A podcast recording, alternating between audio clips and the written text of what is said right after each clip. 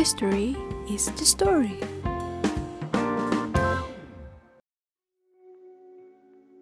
Assalamualaikum warahmatullahi wabarakatuh. Selamat pagi, siang, malam, kapan pun kamu mendengarkan ini ya, dan di mana pun kalian mendengarkan ini. Kembali lagi ya sama aku Erik di The Maroons Memory Lane. Pasti teman-teman semua udah kangen nih untuk dengerin episode terbaru dari The Maroons Memory Lane ini ya. Tenang aja teman-teman, kita akan kembali dengan uh, dengan topik yang lebih menarik dan lebih fresh lagi dari episode sebelumnya. Hari ini aku nggak bakal sendiri loh, aku bakal ditemenin oleh dua akang-akang kece yang siap menemani kalian sepanjang episode kali ini. Yang pertama ada Akang Tika dan Kak Farel. Nah, bukan hanya kita bertiga nih yang akan memandu jalannya uh, rekaman kali ini, dan juga seorang gestar yang tentunya nggak kalah kece lagi. Nah, gestar kali ini nih adalah orang yang yang spesial dan tentunya uh, berpengaruh di berdasarkan tema kali ini. Ada Kang Gavin. Nah, di episode ini tema yang akan kita angkat tentunya akan sangat berguna nih untuk kalian teman-teman yang baru akan masuk ke uh, dunia perkuliahan. Jadi untuk mahasiswa mahasiswa baru nih tema kali ini tentunya bakal berguna banget. Nah judul yang kita angkat pada episode kali ini adalah kaderisasi di HIMSE. Nah untuk penjelasannya yang lebih detail dan lebih lanjut, gimana kalau kita dengerin dari Kang Fikar aja? Gimana nih Kang Fikar? Oke, terima kasih Kang Erik. Um, jadi seperti yang dari Kang Erik udah singgung tadi barusan, Unpad itu kan mengenal tiga tahap kaderisasi ya. Yang pertama dalam lingkup universitas, kedua fakultas, dan ketiga adalah jurusan. Nah, di lingkup universitas dan fakultas, teman-teman dari sejarah 2020 kan udah udah jalani yang namanya Prabu dan Opera Budaya. Nah, kalau di lingkup jurusan sendiri itu gimana sih? Nah, untuk lingkup jurusan sendiri, kita mengenal yang namanya PS2, yaitu pengenalan studi sejarah. Untuk episode keempat dari The Manus Memorial ini spesial banget, karena seperti yang tadi Kang Erik udah singgung, kita bakal kedatangan tentang tamu spesial nih, yaitu Kang Gavin. Kang Gavin ini bertindak sebagai Project Officer dari PS2 2020. Nah, selain itu, aku mau Kang Farel bagi-bagi cerita dulu nih, soalnya Kang Farel sebelumnya adalah panitia di PS2 2019. Jadi selain ada Kang Gavin sebagai narasumber utama, mungkin ada Kang Farel juga yang bisa berbagi pengalaman tentang PS2 2019 sedikit-sedikit. Gimana nih Kang Farel? Oke, terima kasih Kang Fikar. Sebelumnya mungkin perkenalan dulu ya kita. Kenalin rekan-rekan semua, aku Farel dari Sejarah 2018. Tahun kemarin kebetulan banget aku jadi panitia di PS2 sebagai salah satu anggota di divisi pendamping kelompok kalau menurut aku sih PS2 itu emang kegiatan yang seru banget ya. Aku udah ngelewatin masa-masa PS2 itu dari zaman aku masih pramuda dan jadi panitia. Dan itu bener-bener banyak hal yang bisa aku ambil dari pelaksanaan PS2 itu sendiri. Nah jadi sebenarnya kalau tahun kemarin itu karena beda lah posisinya sama yang sekarang, kita diadainnya offline. Kita diadain tatap muka, jadi ya kayak biasa lah Nah, yang sebenarnya aku penasaran itu kira-kira gimana nih PS2 tahun ini ceritanya? Kan lagi ada pandemi gini, mungkin boleh Gavin diceritain cerita PS2-nya?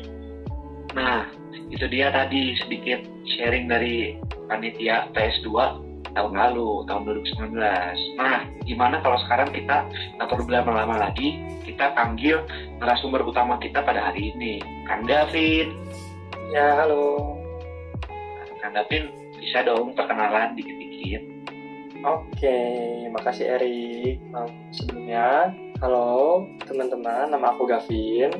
Aku dari Sejarah Angkatan 2019 dan sekarang Alhamdulillah mendapatkan amanah menjadi Project Officer PS2 2020. Nah, Kang Gavin, aku mau nanya nih, sebenarnya PS2 itu apa sih? Oke, PS2 itu apa ya? Jadi PS2 itu singkatnya itu masa bimbingan jurusan sejarah kayak gitu. PS2 sendiri adalah singkatan dari uh, pengenalan studi sejarah dan karena sekarang tahun 2020 jadinya namanya PS2 2020 untuk tahun ini kayak gitu.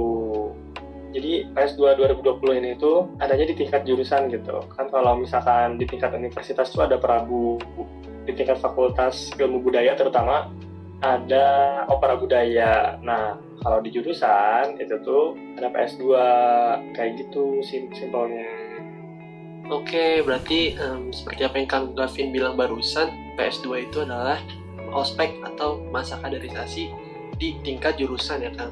Kalau di tingkat universitas ada Prabu, kalau di tingkat fakultas ada opera budaya. Oh ya nih Kang Gavin, karena sekarang kan masa pandemi COVID-19 nih ya, apakah ada perubahan dari PS2 tahun lalu atau tahun-tahun sebelumnya dibandingkan dengan PS2 tahun ini? Apakah ada dan kalau misalnya ada, perubahan itu apa aja sih Kang? Oke, perubahan ya. Kalau perubahan itu yang pasti dari kuliah pun udah jadi online kan sekarang gitu. Nah, pakai media daring. Nah, PS2 juga berlaku gitu hal yang sama. Sama juga kan kayak Prabu sama Opera Budaya itu kan mereka menggunakan sistemnya daring gitu dan tidak ada sama sekali pertemuan tatap muka di tempat secara langsung kayak gitu atau luring. Jadi kita full daring uh, ospeknya atau ya masa bimbingannya. Terus karena ada beberapa divisi juga gitu yang ah, seharusnya menyiapkan atau bertugas di lapangan karena kita beralih ke media daring jadinya eh, mereka nggak ada pekerjaan kayak gitu loh. Contohnya kayak medik nih. Medik kan seharusnya mengamankan teman-teman peserta ataupun panitia yang merasa merasa sakit kayak gitu. Sedangkan sekarang ya nggak ada juga gitu. Semua orang ada di rumahnya masing-masing ada di tempatnya masing-masing kayak gitu. Adapun uh, akomodasi yang seharusnya nyiapin makanan atau nyiapin venue kan karena kita beralih ke media daring jadinya kan nggak ada. Mereka juga dialihfungsikan gitu. Jadinya uh, untuk medik ada yang dialihkan ke pendamping kelompok dan untuk akomodasi itu dialihin ke asesor dan juga ke pendamping kelompok dipecah kayak gitu. Ada juga divisi yang dianggap pengaplikasian itu perlu agak diubah untuk pelaksanaan secara daring. Dari divisi keamanan pun uh, dianggap perlu diubah untuk pengaplikasiannya dalam acara gitu. Karena kalau misalkan kita mengaplikasikan uh, tupoksi atau job desk dari Divcam di platform daring atau platform online itu kami rasa kurang cocok gitu. Jadi kita melakukan perubahan di job desk divisi kayak gitu. Dan juga adanya perubahan nama karena kalau misalkan namanya masih divisi keamanan itu kan kita tidak mengamankan apa-apa kayak gitu. Tidak seperti ketika jalan acaranya itu secara offline atau tetap muka secara langsung kayak gitu. Tapi tetap aja karena cara itu kan perlu ditertibkan juga kan gitu. Ada rules-rules yang berlaku gitu atau ketentuan-ketentuan Nah, untuk mencegah adanya pelanggaran ataupun ketidakkondusifan acara, jadinya kita mengalihkan nih dari yang biasanya teguran langsung, itu kita ada yang namanya konsekuensi kayak gitu. Jadi apabila ada eh, hal-hal yang tidak sesuai dengan ketentuan gitu, ataupun melanggar lebih tepatnya, itu akan berlaku konsekuensi kayak gitu. Dan kenapa namanya asesor karena mereka pun yang bakal menilai sekaligus mereka juga yang membuat kaidah kaidah kaidah uh, tugas untuk PS2 2020 agar esensinya itu tercapai walaupun secara online kayak gitu tuh. Wah, kalau aku denger dengar Kang Gavin, sebenarnya banyak banget ya divisi PS2 2019 ini. Uh, sebenarnya sama aja sih, sama kayak PS2 2018 juga dibagi ke beberapa divisi dengan tupoksi yang berbeda-beda. Tapi yang aku penasaran banget sih Kang, ini kan ada pandemi lah ya, kita udah tahu jadi harus online gitu-gitu. Kira-kira proses pembentukan panitia ini gimana ya Kang? Oke, untuk proses pembentukan panitia itu kebetulan kita udah membentuk kepanitiaannya ketika belum ada kebijakan untuk melaksanakan kegiatan perkuliahan secara daring jadi kita udah sempat uh, bikin dulu alhamdulillahnya udah sempat baik itu untuk panitia inti maupun teman-teman yang menjadi staff kayak gitu dan untuk perubahan tupoksi tiap divisinya ataupun peleburan-peleburan itu tuh kita menyesuaikan dengan kebijakan daring gitu. Jadi peleburan-peleburan ini tuh kejadiannya sesudah uh, kebijakan daring itu ditetapkan hingga waktu yang ditentukan kayak gitu loh. Jadi kalau untuk pembentukan panitianya itu udah dari awal sebenarnya.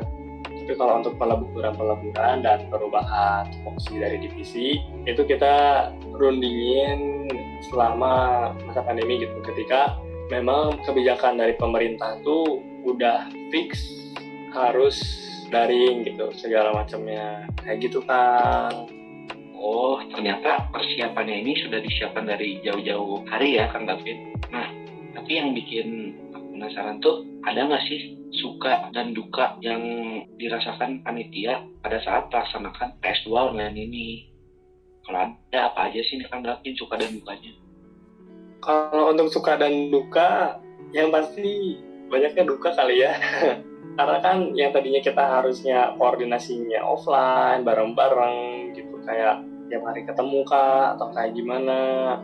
Jadinya terhambat sama jarak juga gitu. Belum lagi masalah sinyal ataupun koneksi internet kan ada beberapa teman-teman panitia juga yang kesulitan dalam mendapatkan akses internet yang bisa dibilang lancar gitu ada beberapa teman-teman yang kesulitan juga gitu dan untuk plusnya sih jadinya kita nggak begitu kerepotan juga dalam mempersiapkan kayak tempat atau eh, jalur-jalur uh, ketika jalan acara gitu kayak setiap mobilisasi itu kita nggak ngurusin hal kayak gitu gitu. Yang kita urusin itu kan jadinya cuma persiapan meeting roomnya nih gitu kayak gimana.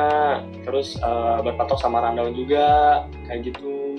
Dan dibilang nggak sekompleks yang offline juga bisa dibilang iya tapi karena memang cukup kompleks juga tetap ada kompleksitasnya juga nah terus karena kepisah-pisah juga panitianya nah ini jadi minus juga gitu kembali lagi karena kita kesulitan banget untuk koordinasi kayak gitu sih Oke, berarti tetap ada plus dan ada minusnya juga ya Kang Gavin? Ya. Daring maupun luring. Uh, Oke, okay, jadi kan waktu itu di media sosial sempat ada yang viral tuh Kang Gavin mengenai budaya ospek yang ya kita tahu lah marah-marah bentuk kaderisasinya lewat jalur represif lah bisa dibilang marah-marah ini itu um, nah mengenai budaya ospek tersebut menurut menurut Kang Gavin gimana sih korelasinya dengan PS2 2020 kali ini? Oke, okay. itu agak sensitif juga sih ya untuk uh, beberapa orang gitu. Kayak ada juga kan yang memandang kayak ya itu kayak udah tradisi lah atau kayak gimana. Tapi ada juga memandang kayak ngapain sih kayak gitu? Gitu. Orang online juga. Nah kalau dari kita sendiri gitu dari PS2 sendiri itu kita berusaha mengembalikan pemaknaan dari PS2 sendiri gitu. Pengenalan studi sejarah pengenalan. Nah jadi karena bakal banyak banget hal yang tidak tersampaikan dengan baik sebagaimana bila kita menyampaikannya secara luring jadinya kita memfokuskan memfokuskan kembali gitu uh, ke aspek pengenalannya. Contohnya kita mengenalkan nih program studi sejarah tuh ada siapa aja sih? Siapa kepala program studinya terus seperti apa sih kulturnya? Kita jelasinnya cara dasar aja gitu. Kita nggak ngambil secara kompleks banget kayak yang yang kita bisa lakuin secara luring. Terus kayak misalkannya tugas. Uh, kayak ada kan ada tugas esai nih. Nah esai itu tuh dibuat bukan cuma untuk memberatkan teman-teman para muda yang 2020 ya berarti sekarang. Tapi kita juga udah ada pematerian dulu sebelumnya gitu. Jadinya karena teman-teman pramuda udah pada pesan materi jadinya dicobain kayak gimana sih cara bikin esai yang baik gitu. Mereka mencoba karena membuat esai itu kan pasti kepake banget gitu. Untuk pembelajaran sekitar 3 atau empat tahun ke depannya di program studi sejarah ini karena sebagai akademisi di bidang sejarah kita tuh kan bakal banyak membaca dan menulis gitu. Jadinya dalam mengerjakan esai juga kita coba terapin kayak ini sumbernya harus kredibel nih coba sumbernya dari jurnal atau dari buku dan bukunya juga gitu kayak harus kredibel kayak gitu. Kaidah-kaidah penulisannya baik itu dari mulai mulai dari margin atau penggunaan huruf uh, spacing yang kayak gitu. Jadi biar teman-teman pramuda itu mendapatkan apa ya batu loncatan kecil lah gitu. Setidaknya agar terbayang ke depannya untuk berkuliah di program studi sejarah. Ya kayak gitu sih kalau dari PS2 2020 sendiri. Oke, Kang Gavin, kalau aku lihat kayaknya pandemi ini emang bener-bener ngerubah banyak hal juga ya. Kan jadi kayak Ya. ada negatif tentang ospek dan lain-lain. Sebenarnya yang pengen tanyain itu sih sederhana sih Kang. Kan awal panitia dibentuk, awal konsep dibentuk, itu kan semuanya masa orientasinya dari luar jaringan kan, atau offline gitu. Hmm. Nah, kira-kira ketika pandemi ini datang, itu akan berubah jadi daring. Nah, apa yang Kang Gavin udah rencanakan dan pengen diimplementasikan tapi malah gagal gara-gara daring. Dan juga apa yang beda banget antara bayangan dan harapan kamu saat orientasi offline dan juga orientasi online? Iya iya itu ada sih. Karena PS2 itu kan mengambil tema sekitar apa ya bisa dibilang mental lah gitu. Jadi kayak dari tema acaranya juga kan sesuai tagline-nya PS2 2020 itu tagline-nya kan find yourself and write your high story. Nah itu tuh tadinya tuh kita pingin bikin teman-teman pramuda 2020 itu lebih mengenal dirinya sendiri gitu loh dan tadinya kita udah ngerencanain bakal ada seminar yang secara langsung gitu terus ada prakteknya juga kayak gitu biar teman-teman pramuda 2020 bisa mengenal dirinya lebih baik dan tidak apa ya bisa dibilang tidak kehilangan jati dirinya ketika menjalani perkuliahan di sejarah ini.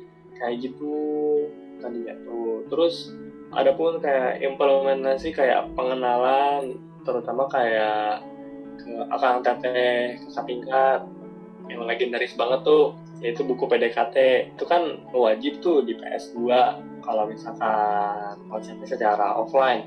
Nah itu tuh sangat disayangkan banget sih. Biasanya kayak oh ini tuh udah turun temurun loh gitu. Ketika aku jadi pramuda pun uh, aku pun bikin gitu uh, si buku PDKT ini tuh. Jadinya sekarang kan feel-nya tuh perkenalannya tuh jadi kurang kayak gitu. Baik itu antar angkatan pramuda sendiri maupun antar antar angkatan kayak gitu makanya balik lagi jawaban kita yang sebelumnya kita bakal memanfaatkan semaksimal mungkin aspek pengenalan dengan cara yang telah kita rencanakan sebelumnya gitu. Untuk daring tentunya juga kita harus beradaptasi dong gitu dengan perubahan. Kayak gitu. Emang mantep juga sih panitia tahun ini. Kayak kan nggak ada lah ya yang bakal ngeduga kalau bakal ada pandemi gitu udah dipersiapkan matang-matang udah bagus-bagus ternyata ada pandemi dan dilihat juga sekarang bagus ya realisasinya. Jadi apresiasi tertinggi dulu lah buat kalian semua. Mungkin Kang Fikar ada lagi yang mau ditanyain ke Kang Gavin Oke, boleh nih mungkin pertanyaan terakhir, terakhir aja untuk Kang Gavin. Ini bukan pertanyaan sih, sebenarnya lebih ke pesan-pesan buat teman-teman pendengar dalam menjalankan ospek ini atau PS2 2020 baik sebagai panitia maupun sebagai peserta. Gimana nih Kang Gavin? Ada nggak pesan-pesan untuk panitia dan teman-teman peserta juga? Untuk teman-teman panitia nih yang ada dari podcast ini yang pasti tetap semangat jaga kesehatan baik itu kesehatan mental maupun kesehatan fisik. Karena kalau lagi pandemi gini gitu kayak main keluar susah harus diam di rumah aja mumet pusing belum tugas-tugas kuliah. Itu tuh kalau misalkan kalian capek istirahat dulu gitu. Jangan sampai jadi overwork lah istilahnya kayak gitu. Oke teman-teman panitia yang udah dengerin semangat terus ya. Dan untuk teman-teman pramuda sebagai peserta kalau dari aku sih aku pribadi ikuti aja rangkaian PS2 2020 ini. Tunggu konten-konten menarik lainnya. Dan sama kayak teman-teman panitia juga kalian juga jaga kesehatan ya baik itu secara mental maupun secara fisik. Yuklah kita enjoy sama-sama aja gitu. Walaupun kita cuma bisa bertemu secara daring tapi ya kita enjoy lah bareng-bareng gitu. Jadi kita sebagai panitianya juga seneng karena kaliannya juga memberikan respon yang positif gitu kepada panitia. Dan kami harap juga saya mewakili panitia dapat memfasilitasi kalian dalam pengenalan studi sejarah ini secara baik, tersampaikan secara baik dan tentunya juga kalian merasa aman atau bahkan nyaman gitu di PS2 2020 ini. Oke, kita kerjasama ya. Semangat terus. Oke, keren banget ya teman-teman materi yang disampaikan oleh Kang Gavin. Terima kasih ya Kang Gavin untuk uh, materi yang telah disampaikan di episode kali ini. Oke, sama-sama. Kalian juga makasih ya udah ngundang aku nih. Aduh, ngerasa terhormat banget aku masuk temolen. Iya. Oke. Nah teman-teman, tidak kerasa ya kita udah sampai ke penghujung episode. Sebelumnya aku mau ngucapin terima kasih dulu ya untuk Kang Fikar dan Kang Farel selaku moderator lah yang uh, menemani kita sepanjang episode kali ini. Oke teman-teman, kayaknya ini waktunya untuk berpisah sama teman-teman semua. Aduh sedih banget nih, tapi teman-teman gak usah khawatir. Kita akan ketemu kok di lain waktu, tepatnya di lain episode. Untuk mengakhiri episode kali ini, aku ingin menyampaikan untuk teman-teman semua yang mendengar podcast kali ini untuk tetap jaga kesehatan, ikuti protokol kesehatan yang uh, diberlakukan, juga terjaga semangat ya di masa-masa pandemi seperti ini. Nah teman-teman, uh, sampai jumpa ya di episode selanjutnya. Aku Erik, mewakili segenap tim Maroons Memory Lane, mengundurkan diri ya teman-teman. Dadah, wabillahi taufiq wa hidayah. Wassalamualaikum warahmatullahi wabarakatuh. Dadah. Dadah semuanya. Dadah semuanya.